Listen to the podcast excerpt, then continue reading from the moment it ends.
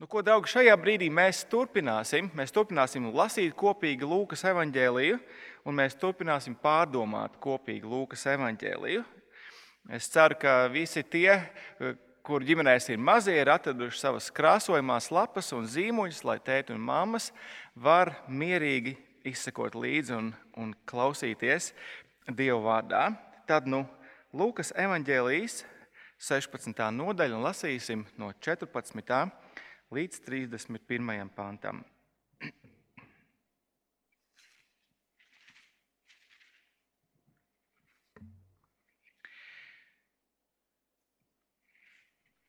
Visu to dzirdēja farizēji, kas bija mankārīgi, un tie vīpsnāja par viņu.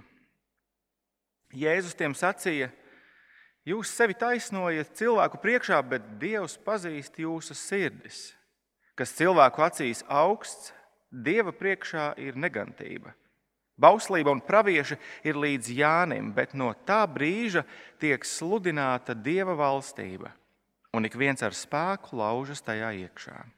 Vieglāk ir debesīm un zemē zust, nekā no bauslības krist vienai vismazākajai rakstu zīmēji. Katrs, kas atlaiž savu sievu un aprec citu pārkāpju laulību, un katrs, kas prats šķirta no cita vīra, arī pārkāpa laulību. Bija kāds bagāts vīrs, kas tērpās purpurā un smalkās linadrānās, ar lepni dzīvoja ikdienas, bet viņa durvju priekšā gulēja kāds vātīm klāts nabaks vārdā Lācars. Tas kāroja ēst to, kas krita no bagātnieka galda, bet tikai suņi nāca un laizīja viņa vātis. Un notika, ka ka nabagais nomira un eņģeļi viņu aiznesa Ābrahama klēpī. Arī bagātais nomira un tika apglabāts. Ellē, ciestams mocības, viņš pacēla acis un no tālienes redzēja Ābrahamu un viņa klēpī Lāceru. Un viņš sauca: Tēvs Ābrahām, apžēlojies par mani un atsūti Lāceru, lai viņš iemēc pirksta galu ūdenī un atvēsina manu mēli, jo es ciešu mokas šajās liesmās. Bet Abrahams sacīja: Dēls, atceries, ka tu visu labo saņēmi savā dzīvē. Tāpat kā Lācers visu slikto. Tagad šeit viņš gūst iepriecinājumu, bet tu ciet mokas. Turklāt starp mums un jums ir nolikts liels bezdibenis, lai tie, kas gribētu pāriet no šejienes pie jums, to nevarētu. Nedz arī no turienes pie mums. Tad tas sacīja: Es tevi lūdzu, Tēvs, sūti viņu man, uz manu tēva namu, jo man ir pieci brāļi, lai viņš tos brīdina, ka arī viņi nenonāk šajā mocību vietā. Bet Abrahams atbildēja viņiem: Viņam ir mūzis un pravieši, lai viņi tie, tiem klausa. Tad viņš teica: Nē, tēvs Abraham, ja vien kāds no mirušajiem dotos pie viņiem, tie atgriezīsies no grēkiem. Bet Abrahams sacīja: Ja viņi neklausa mūzu un praviešus, viņi neticēs, pat ja kāds no mirušajiem augšām celtos. Tas ir kunga vārds, un lūgsim Dievu pirms mēs to pārdomājam.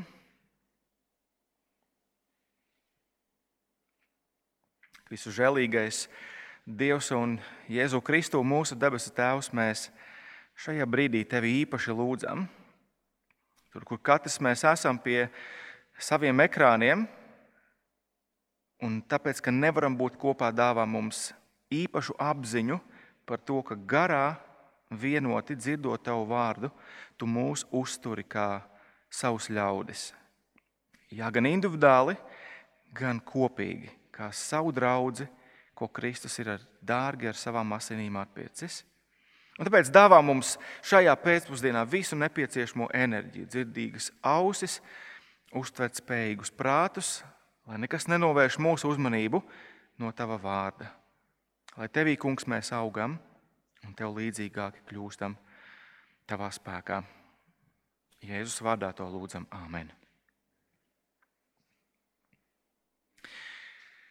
Varbūt pavisam īsi atskatīsimies uz aizdīto nedēļu, kad mēs vēl, šeit lielākā daļa varējām būt kopā un klātienē. Kā tu jūties aizvadītajā nedēļā, dzirdot Jēzus izaicinājumu? Nu, kāds bija Jēzus izaicinājums? Jūs iespējams atceraties nodrošināt sev draugus mūžībai, lietojot savus materiālos resursus gudri un uzticīgi. Tas bija šis negodīgais pārvaldnieks, kur viņa kungs no vienas puses uzteica par viņa attapību, šmaucoties. Bet no otras puses mēs, protams, ieraudzījām, ka viņš, viņš izgāja no situācijas, esot neusticīgs. Bet katrā ziņā tas bija izaicinājums mums nodrošināt sev draugus mūžībai, lietojot savus materiālos resursus gudri un uzticīgi. Es draugi, ceru, ka tas jūsos raisīja prieku un izdomu. Galu galā mēs mīlam mūsu kungu un vēlamies, lai viņš lieto mūsu e, savas valstības darbā. Meklēt un glābt pazudušos. Un tas nozīmēs ieguldīties šajā darbā ar visu savu dzīvi, tostarp ar visiem saviem līdzekļiem. Varbūt īpaši šajās dienās, maisēdes kontekstā, tev jau rodas radošas idejas par to, kā iemantot draugus mūžībai. Varbūt tas ir vientuļais kaimiņš, eh, kuram, kuram neviena nav. Varbūt tas ir tavs darba kolēģis, kurš tu zini, kurš dzīvo viens. Jēzus sagaida no mums, ka arī šajā laikā mēs ieliekam priecīgas pūles tajā, lai domātu par citiem. Bet, draugi, ne visos šie Jēzus vārdi raisīja prieku un radošu garu. Ja jūs ieskatieties 14. pantā, mēs ieraugām to. Visu to dzirdēja farizēji, kas bija mankārīgi, un tie vīpsnāja par viņu. Kā jau mēs esam redzējuši to iepriekš, farizēji domāja, ka viņi ir pirmie dieva valstības kandidāti. Viņi domāja, ka viņu reliģiozais perfekcionisms viņus izglābs. Viņi bija pārliecināti, ka Mozus ar bauslības noteikumiem, priesteriem, ar upuriem ir viņu pusē. Un varbūt tāpēc no vienas puses mēs varam saprast viņu šaubas par šo jauno sludinātāju. Mēs pilnīgi iztēlojamies šo sarunu. Mums ir gadu simtiem vecas paša mūzus iestādītas tradīcijas par to, kāda ir uzticīga namturība. Mums ir bauslības noteikumi, mums ir priesteri, mums ir upuri, mums ir sakārtota dzīve saskaņā ar Dieva reglamentu. Ko šis Jēzus iedomājās? Bet, protams, ka no, no otras puses tā bija tikai un vienīgi farizēju ārēja poza. Lūk, atklāja mums aizkulises. Ieskatieties vēlreiz 14. pantā. Pharizēji bija mankārīgi. Jēzus atkal norāda farizējiem uz to, ka ar šādu attieksmi un skatījumu uz Dievu nav iespējams nonākt Dieva valstībā. Jēzus skaidri pasaka to, ka ieiešana Dieva valstībā prasa sirds taisnību. Un par to Jēzus runā no 15. līdz 18. pantam. Un tad Jēzus ilustrē, ilustrē to, ar atlikušo līdzību par bagāto vīru un nabago lācaru. Vispirms ieskatīsimies lielajā patiesībā, par ko Jēzus šajā mūsu raksturvietā runā. Ieiešana Dieva valstībā pieprasa sirds taisnību. Jēzus faktiski divos teikumos apraksta visu, kas nav kārtībā ar farizējiem. Ieskatieties 15. pantā. Jūs taisnojat sevi un gribat būt augsti cilvēku acīs. Lūk. Un pretēji tam, lai meklētu dieva taisnību un gribētu būt augsti dieva acīs, Jēzus izgaismoja farizēju tumšās sirdis. Jūsu paštaisnība, jūsu sevis paaugstināšana, tā ir negantība. Kā izpaudās viņu paštaisnība? Manuprāt, 18. pāns mūsu, mūsu lasījumā ir Jēzus ilustrācija. Pirmā īsā ilustrācija farizēju paštaisnībai, sevis paaugstināšanai. Šis, šis mazais izvilkums par laulības pārkāpšanu, proti, farizēji lepojās ar mūzu, kurš, kurš atļāva viņiem dot šķiršanās rakstu no sievām. Viņi attaisnoja savu laulības pārkāpšanu ar likuma burtu. Saskaņā ar Jēzu viņi palika joprojām akli pret šādu noteikumu nepieciešamības iemeslu. Mēs atceramies, kāpēc šāds vispār noteikums tika, tika ielikts bauslībā, tad mēs zinām to. Jūsu sirds cietības dēļ Mozus jums to atļāva. Jēzus kādā citā vietā teica. Un abaga Mozus rūpējās par šo neaizsargāto sievu drošību un labklājību. Bet, bet farizējiem Jēzus šajā brīdī saka, Dievu priekšā jūs sevi, sevi attaisnojat. Jūsu attaisnojošā un sievu pazemojošā laulības pārkāpšana tā ir negantība. Dievs pazīst jūsu sirdis. Vīri, vai jūs joprojām gribat tikt Dievu valstībā? Tad paklausieties manos vārdos. Klausiet tiem, viss bauslībā un praviešos rakstītais norāda uz mani. Vai jūs tiešām darīsiet tā no sirds?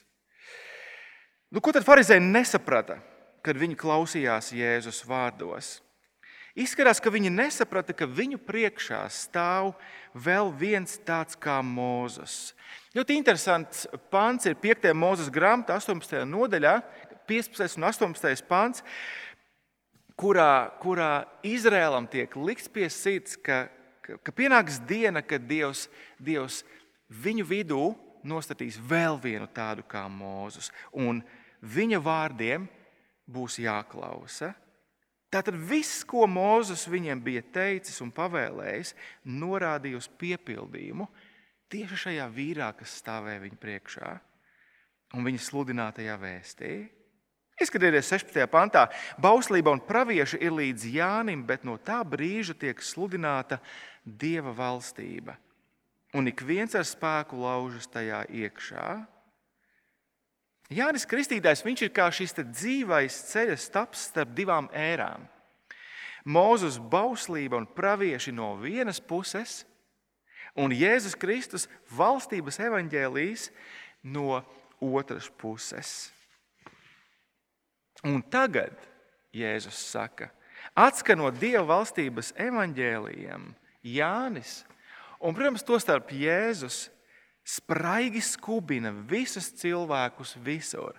Lausties iekšā Dieva valstībā. To, manuprāt, nozīmē 16. pāns, eh, kur mēs lasām. Caur evaņģēlijas sludināšanu cilvēki tiek, viņiem ir nevien iespēja, bet viņi tiek mudināti spiesties Dieva valstībā iekšā. Bet Pharizēji to visu nesaprata. Viņam iespējams šķita, ka šis jaunais sludinātājs apdraud un atmet viņu gadsimtiem nostiprināto paša dieva doto sistēmu. Bet Jēzus Melns uz balta apliecina viņiem, ka tā nav. Ieskatieties, 17. pantā, vieglāk ir debesīm un zemē zust, nekā no bauslības krist vienai vismazākajai rakstu zīmēji. Dieva vispārīga atklāsme šajā radībā, debesis un zeme, kādā dienā pazudīs. Bet Dieva īpašā, īpašā atklāsme viņa vārdā tā pastāvēs mūžam. Jēzus Kristus evaņģēlījis ir Dieva atklāsmes turpinājums un piepildījums, un to farizēji nespēja ieraudzīt. Domāju, par šo man ir jāsaka apustulis Pāvils, kur, kur, kurā mēs klausāmies mūsu nedēļas, nedēļas vidus studijās. Vai apustulis nav uzskatāms piemērs? No vienas puses šiem, šiem paštaisnējiem, sevi paaugstinošajiem vīriem, pirms kristuma lapa tika atdarīt viņa acis un, un atklāt viņam sevi. Lūk, kā Pāvils raksta draudzē Romā bet tagad neatkarīgi no bauslības ir atklājusies Dieva taisnība, par ko liecina bauslība un pravieši, ka Dieva taisnība ticībā uz Jēzu Kristu ir visiem, kas tic. Pāvils to kādā brīdī satvēra. Mēs redzam, šo vēsti sludina Lūga, šo vēsti sludina Jānis Kristītājs, šo vēsti sludina Jēzus. Ieiešanai Dieva valstībā ir vajadzīga attaisnota sirds. Un to spēj dāvāt tikai Kristus sagādātā grēku piedošana. Vai tu ieraugi to?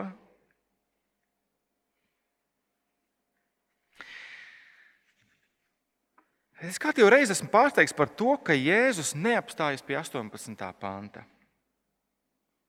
Galu galā Jēzus ir pateicis šeit visu, ko, ko farizējiem ir nepieciešams dzirdēt.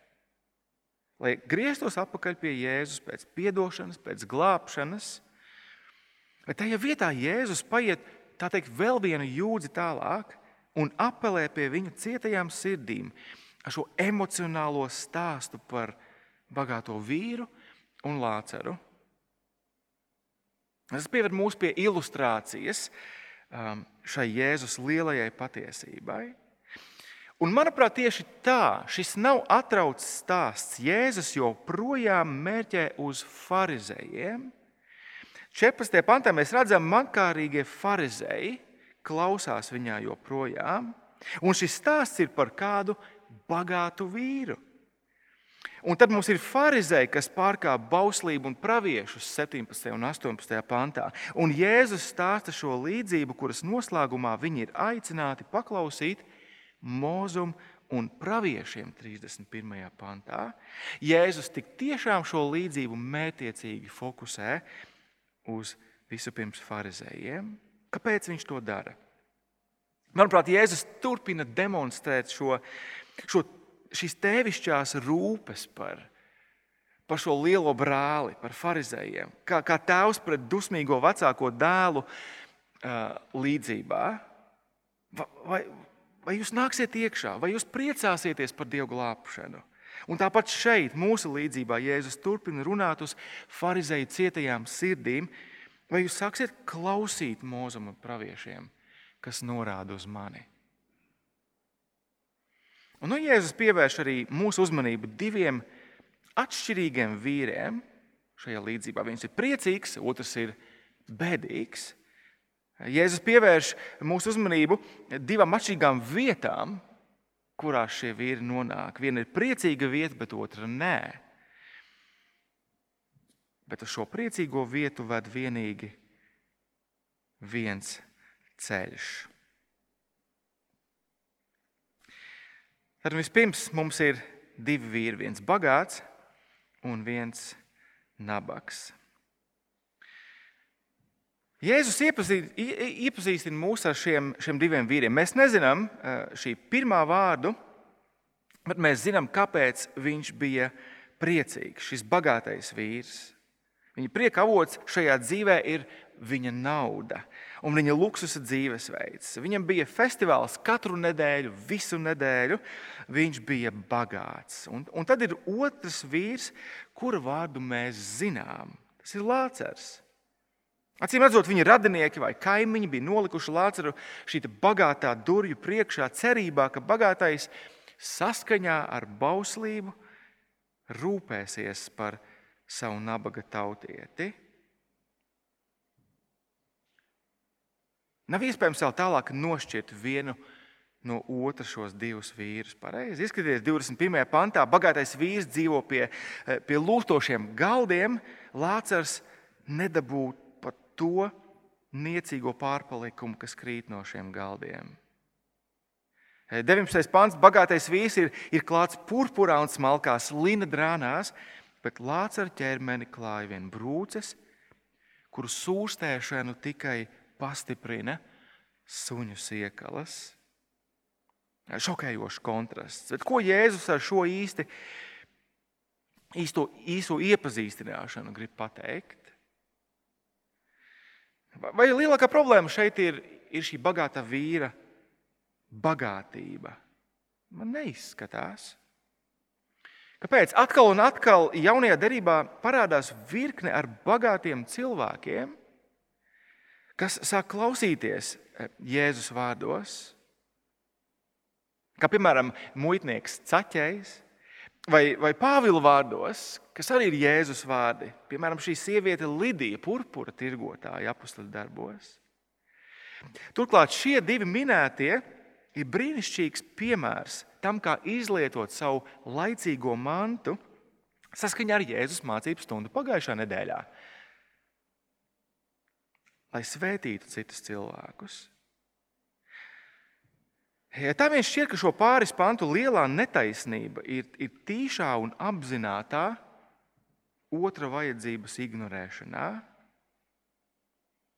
un palīdzības liekšanā.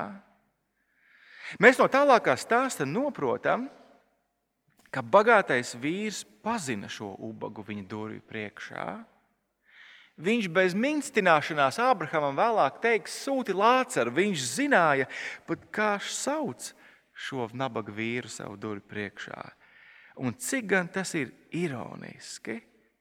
Viņš uzlūkoja šo vīru kā tādu, kuram pat dievs vairs nepalīdz. Bet Lācara vārda nozīme ir Dievs palīdz. Šim vīram vajadzēja izdarīt secinājumus.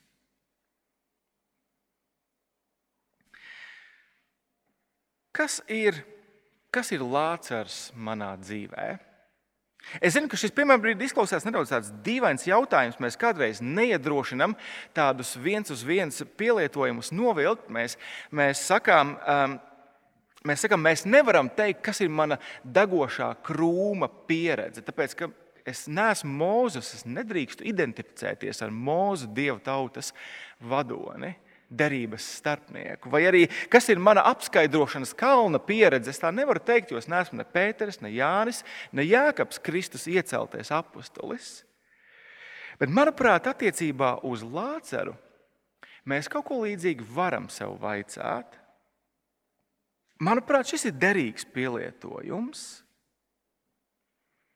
Bet kādreiz varbūt mēs uzreiz nesaprotam, kas ir tas pareizais pielietojums šāda veida jautājumam.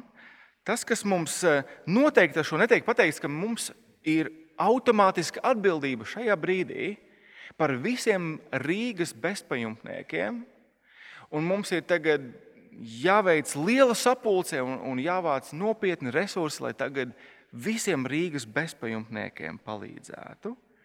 Manuprāt, tas, kas mums ir no šīs līdzības jāpaņem sev, ir, kas ir mans tuvākais joprojām. Lācars bija šī, šī bagātā vīra tuvākais, ko viņš absolūti ir atstājis novārtā, tiešām ir, ir, ir neievērojis un tādējādi kaitējis viņam. Un cik bieži īstenībā šī patiesība ir tik tuvu mājām, cik bieži kādreiz tas, tas, tas lācars mūsu dzīvēm var būt tā, tā sieva, kas ir atstāta novārtā, vai tie bērni, kuriem es neesmu pievērsis kvalitīvu uzmanību tik ilgu laiku jau, vai tas kaimiņš, par kuru es zinu, kurš dzīvo viens, kuram iespējams šie būs grūtākie mēneši, grūtākās nedēļas, kas viņa dzīvē ir, ir bijušas. Ir, ir tāds interneta joks, par ko, par ko mēs, protams, pasmējamies kā par joku. Tas ir šis vīrs, kuram tiek uzdots jautājums. Um, ja tu inficētos ar, ar covid vīrusu, uh, un tev būtu jāizolējas, kur tu to darītu? Uh, A variants kopā ar savu sievu un bērniem, vai B variants? Un šis viss momentā atbild B variants. Un mēs, protams, pasmējamies par to kā par joku, bet tad mēs saprotam, tas ir tikai tik, tik, tikai tik smieklīgs, cik, cik tā nav patiesība, cik bieži kādreiz mēs, mēs gribētu no savām atbildībām ar vieglu roku tikt vaļā.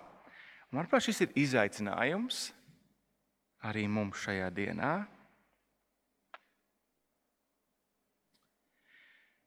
Ejot uz priekšu, lai arī šie divi vīri un to dzīvesveids bija pilnīgi atšķirīgi, viņus vienoja viena lieta, vai jūs to pamanījāt 22. pantā? Viņi abi nomira. Neizbēgami.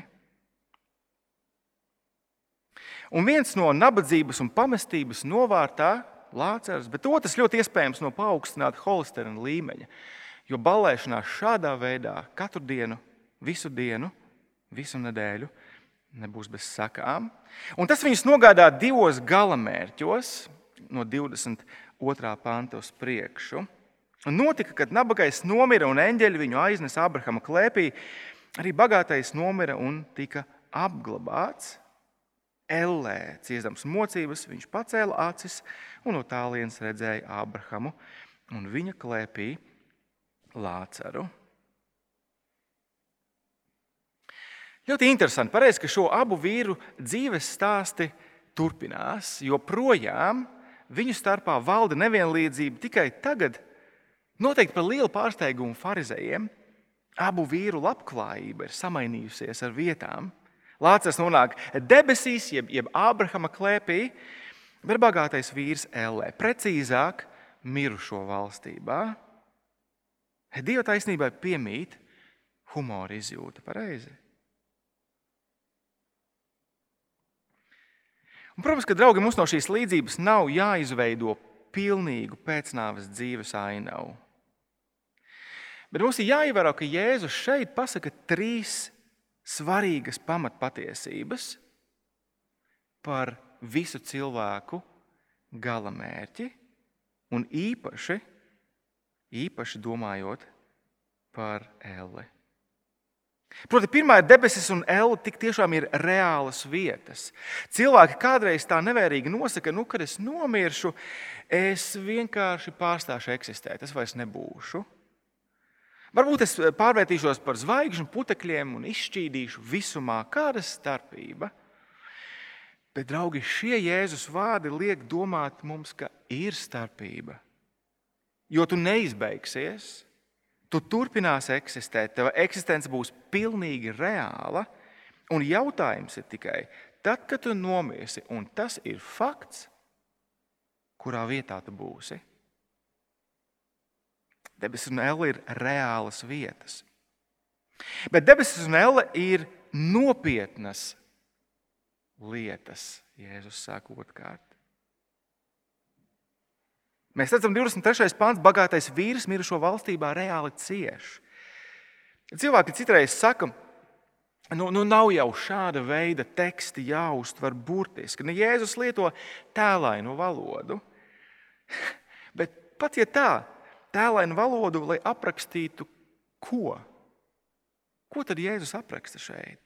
Lai kā mēs kādreiz gribētu izbeigt no, izbeigt no realitātes, mēs nevaram izbeigt no ciešanu realitātes. Nec šajā dzīvē, nec arī mūžībā.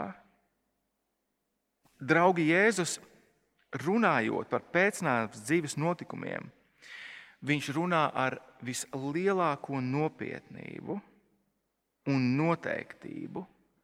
Viņš nav neiejūtīgs. Viņš nerunā par to viegli. Savā ceļā uz, uz Jeruzalem un ceļa beigās mēs zinām, kas Jēzu sagaida.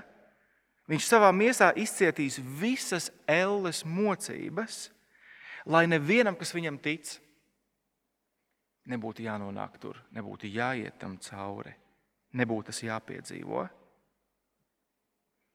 Draugi, Jēzus runājot par debesīm un elli ar asarām acīs brīdina farizējus. Jēzus brīdina ikvienu, kurš attaisno sevi un paaugstina sevi Dieva priekšā. Jēzus nerunā viegliprātīgi par šīm lietām. Viņš zina, par ko viņš runā. Cilvēks dzīves nobeigumā nonāks vienā no diviem galamērķiem. Vienā viņu sagaidīs mierinājums, kā Lācaru, bet otrā mokas, 25. pants. Kā tas notika ar bagāto vīru. Turklāt, turklāt Jēzus saka, pārdomu un pārvietošanās laiks būs beidzies. Debesis un elle ir nošķirtas vietas. Tiesa Jēzus līdzībā apraksta to, kā bagātais vīrs, ciestams mokas, vēršās pie Ābrahama pēc mierinājumu. Ieskatieties 27. pantā. Un viņš sauca tēvs Ābrahama, apžēlojies par mani un atsūti lāceru, lai viņš iemēc pirksta galu ūdenī un atver manu, um, atvēsina manu mēli, jo es ciešu mocības. Bet Abrahams sacīja, dēls, atceries, ka tu visu labo saņēmi savā dzīvē, tāpat kā Lācis visu slikto, tagad viņš šeit gūst iepriecinājumu, bet ciet mokas. Un tagad ieskatieties 27. pantā, turklāt starp mums un jums ir nolikts liels bezdibenis, lai tie, kas gribētu pāriet no šejienes pie jums, to nevarētu. Nedz arī no turienes pie mums. Nu, manuprāt, Jēzus apraksta pēcnāves dzīvi šādi, lai skaidri uzsvērtu to, cik neiespējami, neiespējami tālu šīs abas vietas viena no otras atrodas. Vairs nekādas ceļošanas, pilnīgs lockdown, mūžīga komandanta stunda, nekādu variantu.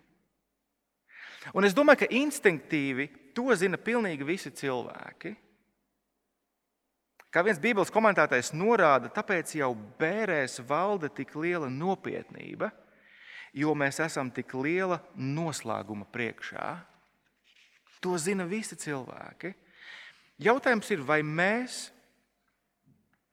vai mēs kaut ko varam darīt lietas labā vispār?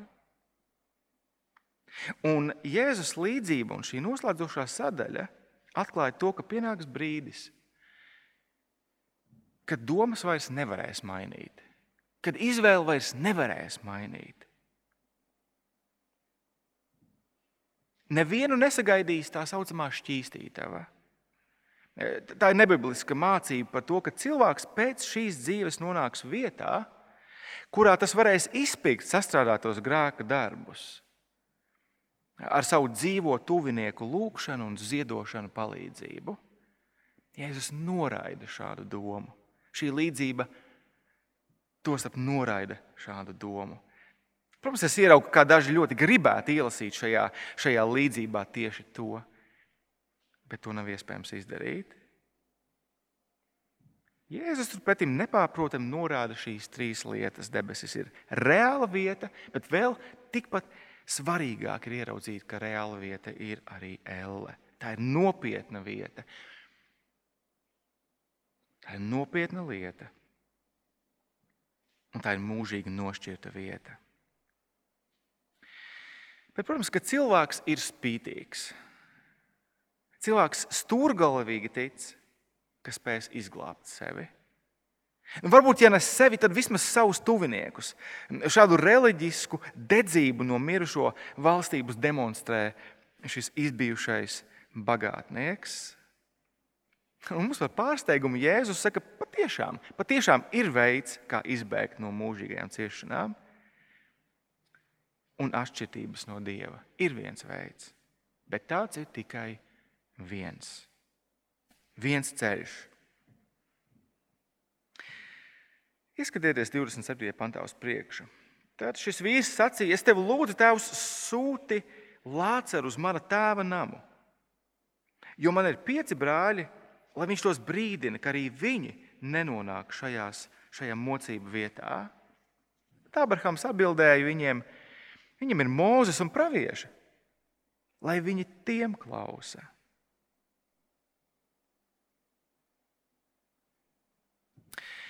Vēlreiz bagātiem vīram bija savs scenārijs, pareizi.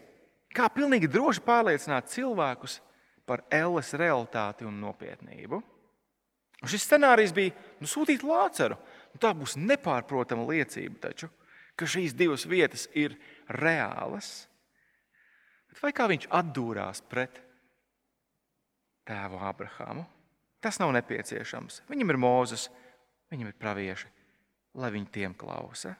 Citiem vārdiem sakot, ar to pilnīgi pietiek šajā dzīvēm. Bet izskatās, ka šīs bagātais vīrs nekādīgi nespēja pieņemt atbildi nē. Ir jābūt diezgan pašpārliecinātam, pareizi, lai pat mirušo valstībā iebilst Ābrahamam 30. pantā. Tad viņš teica, nē, tēvs Ābraham, ja vien kāds no mirušajiem dotos pie viņiem, tie atgrieztos no grēkiem. Un atkal viņš atduras pret šo tik noteikto atbildi. Nu, mēs, protams, ka saprotam, ka Jēzus šajā līdzībā ieliek vārdus Ābrahama mutē, bet tas nenozīmē, ka šie vārdi nav patiesi. 31. pāns. Bet Abrahams sacīja šos tik svarīgos vārdus. Ja viņi neklausa mūzu un praviešus, viņi neticēs, pat ja kāds no mirušajiem augšām celtos. Padomājiet par šo patiesību kādu, kādu mirklīti. Cik cilvēciski otrādāk tas izklausās. Mums liekas, ja mēs spēsim aptaustīt, pareizi, mēs spēsim aptaustīt, ieraudzīt, tas mūs pārliecinās. Bet ko Jēzus pasaka, ir nē, tieši otrādāk. Manuprāt, uzskatāms piemērs tam ir, ir paša Lūkas evaņģēlīja beigas. Mēs pēc, mēs pēc brīža to ieraudzīsim. Bet īstenībā šī patiesība pierādījās jau Jēzus dzīves laikā. Vai tad visi ticēja Jēzum, kad viņš uzcēla no mirušajiem vienu citu lācaru Jāņa evanģēlijā? Nē. Nē, viņi pat meklēja veidu, kā šo dzīvo, staigājušo liecību vēlreiz nogalināt.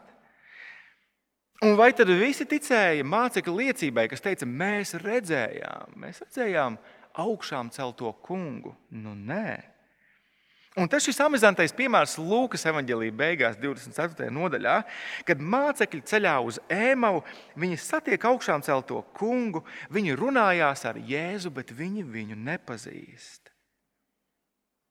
Un cik, cik precīza ir, ir Jēzus kritika šiem vīriem, kas ir notikumu, aculiecinieku vēstījumu klausītāji. Ak, jūs, ak, jūs nesaprātīgie un sirdī kūtrie, ticēt visam, ko runājuši pravieši. Vai Kristum tā nevajadzēja ciest un iet savā godībā? Ko Jēzus šeit pasaka? Ar rakstu liecību pietiek. Ar rakstiem pietiek. Vai tas nepasaka mums, draugi, cik atkal un atkal kristietība savā būtībā ir vienkārša?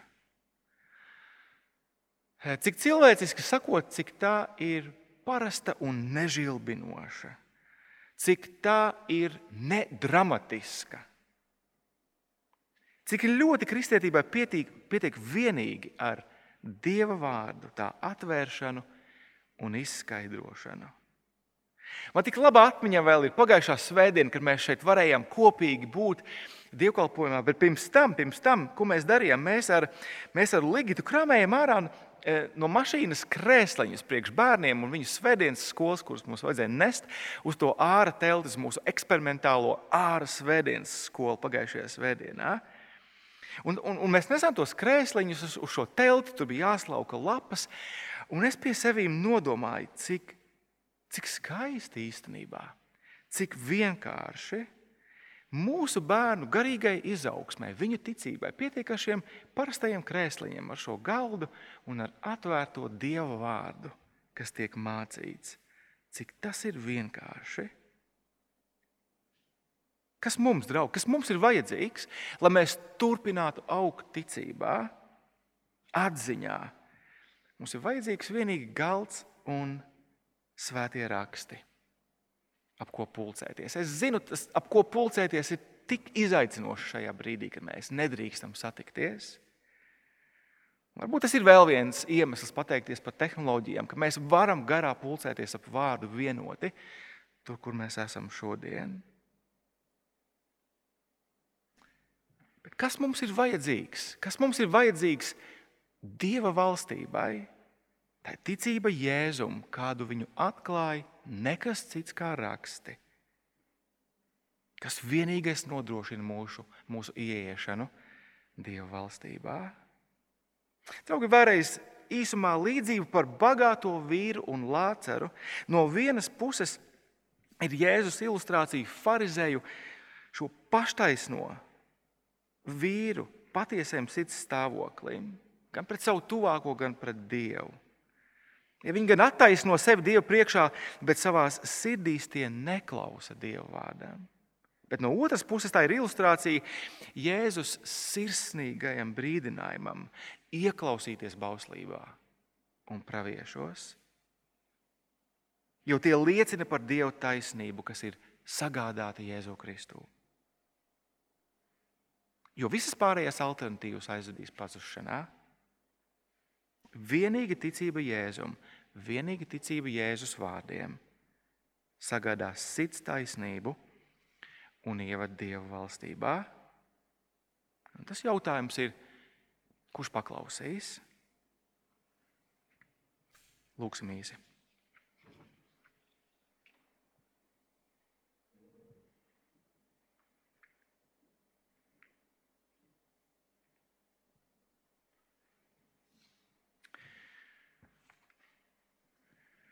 Kungs, patiešām, kā tu esi teicis, vieglāk ir debesīm un zemē zust nekā no bauslības krist vienai vismazākajai rakstu zīmēji.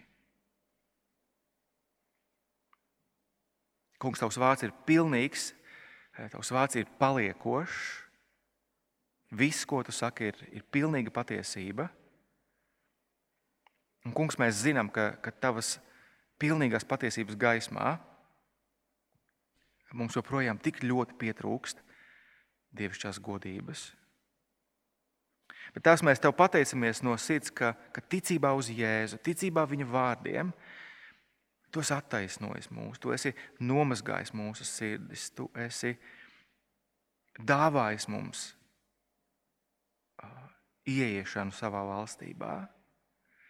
Un, kungs, tāpēc mēs lūdzam, ka Tavu vārdu gaismā mēs pastāvīgi piegrieztu lielu, lielu vērību Jēzus vārdiem.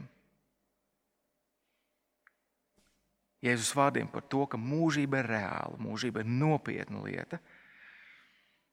Un tāpēc pastāvīga paļaušanās uz tavu vārdu, pastāvīga paļaušanās uz tavu darbu ir tik ārkārtīgi svarīga. Un tās mēs lūdzam īpaši šajā laikā. Palīdz, kungs, mums, palīdz mums arī šī vārda gaismā vienam otru redzēt, vienam otru pamanīt, uzlūkot mums vienam otru kā tos tuvākos, par kuriem mēs esam atbildīgi savā dzīvē. Jēzus vārdā, Amen.